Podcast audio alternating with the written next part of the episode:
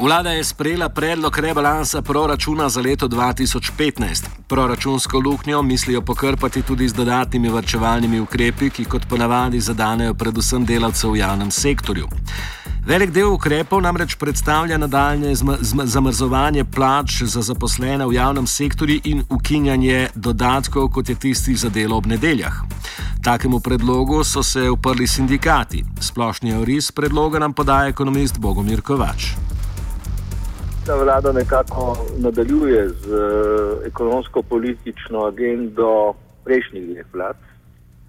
In tu niti strani evropskih zahtev, niti z našega vidika ne prihaja do nekih sprememb pri vodenju ekonomske politike. Eh, tisto, kar je ta vlada naredila, morda zdaj drugače, je nekoliko resnejše prestrukturiranje eh, notranje proračunskih postavk eh, na račun plač in prestrukturiranje v korist investicij. Vendar tisto, kar nekako ostaja temelj vseh proračunskih razprav do sedaj v zadnjih treh letih je, da so vsi proračuni v Sloveniji sprožili uh, tako ali drugače politično krizo skozi najprej konflikt s sindikati in potem z drugimi oblikami odpora, kar pomeni, da nam uh, računovodski pogled na uh, proračun uh, ravno v okviru seveda to vrstnih lovljen eh, in ciljev, ko za vsako ceno lovimo proračunski eh, deficit in eh, pri tem nekaj malega spremenjamo potem tudi strukturo. No, v tem primeru se je ta struktura spremenila sicer pozitivno v korist investicij, to da na drugi strani negativno na škodo seveda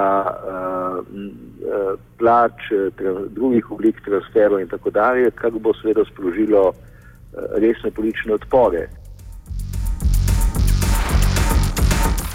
Politika vrčevanja je uveljavljen princip vodenja ekonomske politike znotraj celotne Evropske unije.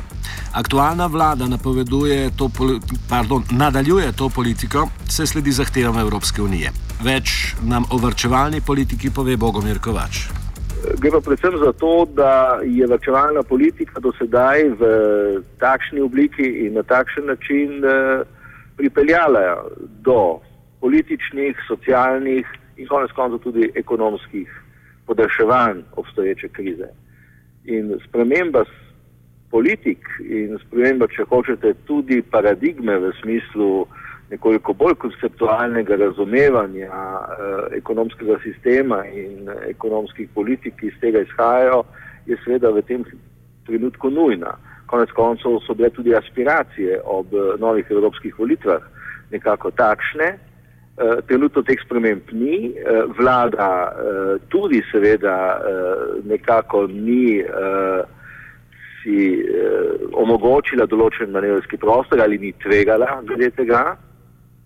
Mislim, da so bila pogajanja, če bi jih lahko sploh tako imenovali, ob sedanjem monitoringu bolj uh, nekako seznanjanja z tem, eh, kaj pravzaprav nameravamo v okviru danih eh, omejitev in politik in te so seveda natančno takšne, kakršne so bile v preteklosti. Pri tem ne gre spregledati, da nekateri deli javnega sektorja to vrstne ukrepe občutijo bolj kot drugi. O tem, katere dele javnega sektorja bodo dani ukrepi najbolj boleče zadeli, več spregovori član stranke Združena Levica in Inštituta za delovske študije Marko Kržan.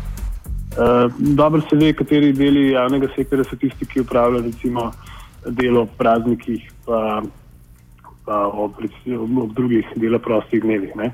To so pač uh, tiste službe, ki zagotavljajo zaščito in reševanje, in uh, v zdravstvu je tega veliko. In uh, tukaj so, seveda, je, je problem, to so zelo pomembne dejavnosti, uh, gotovo ne. In tukaj je že tako pomankanje denarja in motivacije zaposlenih zelo, zelo, zelo velik problem. Ne. Tukaj jaz vidim, da veliko možnost, da te, te ukrepi, mislim, po mojem osebnem prepričanju, te ukrepi v resnici so samo eno pogajalsko izhodišče, od katerih bo vlada zelo hitro popustila. ker bo pritisk, ker bo odpor sindikatov upravičeno tako močen, da tukaj ne bo mogoče več rezati. En del ukrepov predstavlja nižanje dodatkov za zaposlene s podiplomsko izobrazbo. Tistim, ki si lastijo magisterij ali doktorat, plače ne bodo mogle narasti. Pomembno je opozoriti, da nekatere od teh dejavnosti, ki jih ti ukrepi zadevajo in ki sicer sodijo v okvir javnih institucij, že zdaj delujejo na problematičen, tržen način. O problemu doktorskega študija nam več pove član Visokošolskega sindikata Slovenije Marko Marinčič. Doktorski študij, ne, kot vemo, je ta trenutek izločen iz javne službe in je čista tržna dejavnost, nekaj, kar mi, ki poučujemo na univerzi, počnemo popovdne. Uh, to je seveda ena od prvih stvari, ki bi jih bilo treba spremeniti, ker če kaj je pa seveda doktorski študij ne, osnovna dejavnost univerze kot raziskovalne ustanove. Ne. Tako da to je popolnoma nesprejemljivo, da je postal doktorski študij letos ne, v celoti samopočniški. Tukaj se pokaže, ne, da je to vprašanje financiranja seveda povezano z ureditvijo javne službe. In del tega je seveda tudi podiplomski študij. Poleg nižanja pravic visokošolskih javnih uslužbencev, velik problem danih ukrepov predstavlja to, da si skrinko ohranjanja delovnih mest omogoča, da prek ukinjanja dodatkov, kot so tisti za nedeljsko delo, večje obremenitve zaposlenih. O tem nam ponovno več spregovori Kržan. Jaz ocenjujem, da gre vlada v napačni smeri, ker poskuša uh, povečati intenzivnost dela v, v javnem sektorju uh, in delovne obremenitve. Ne?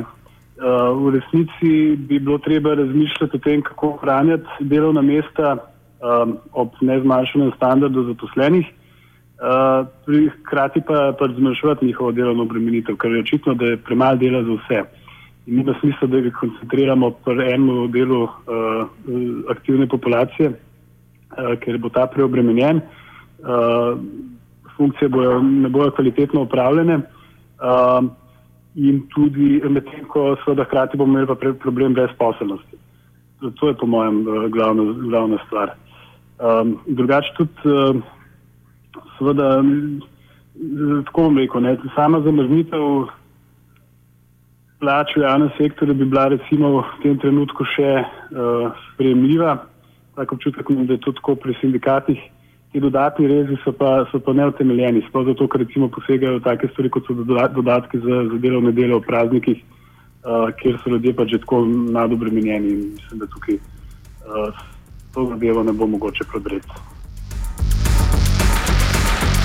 Pri tem bode v oči, da se ukrepi, ki slabšajo položaj delavcev, tako rekoč ne dotaknejo sfere financ.